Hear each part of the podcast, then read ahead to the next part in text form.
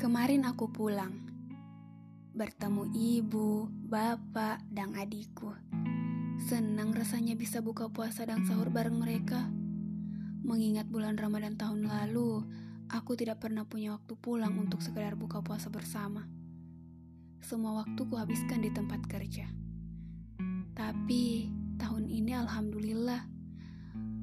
Meskipun aku sedikit cemas mengenai pandemi yang sedang melanda bumi ini. Karena pandemi ini, banyak teman-teman di luar sana yang kehilangan pekerjaan mereka. Kasihan sekali ya mereka. Untuk kita yang masih bisa bekerja meskipun tidak senormal kemarin, jangan lupa bersyukur ya. Kemarin, sewaktu di rumah banyak sekali yang kuobrolkan dengan ibu, termasuk mengenai hati. Jika begini, rasanya aku selalu ingin berada di rumah menghabiskan waktu bersama mereka. Namun, harus bagaimana lagi? Aku harus kembali. Kembali meninggalkan rumah dan menuju kota. Sedih rasanya. Apalagi sewaktu ibu memeluk dan berbisik pelan di telingaku.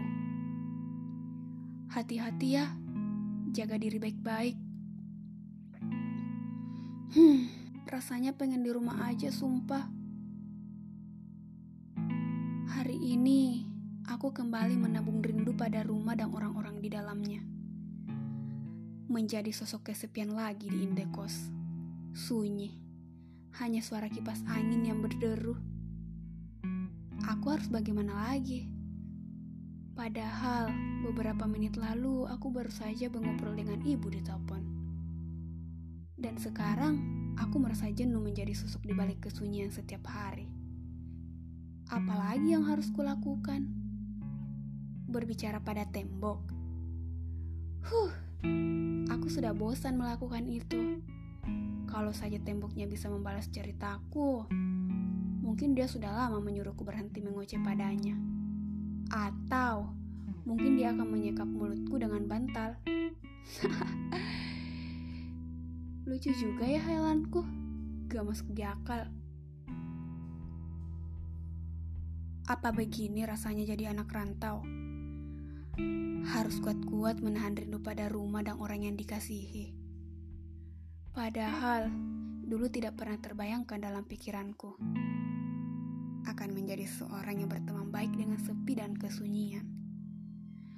Kupikir aku akan selalu berada di rumah, menghabiskan waktu tertawa dan semacamnya. Namun faktanya sekarang aku adalah seorang perindu dalam kesunyian. Hmm, semoga saja besok aku bisa pulang, lalu mencipta kegaduhan di rumah agar sepi itu malu dan pergi meninggalkanku, walau dalam waktu yang dekat.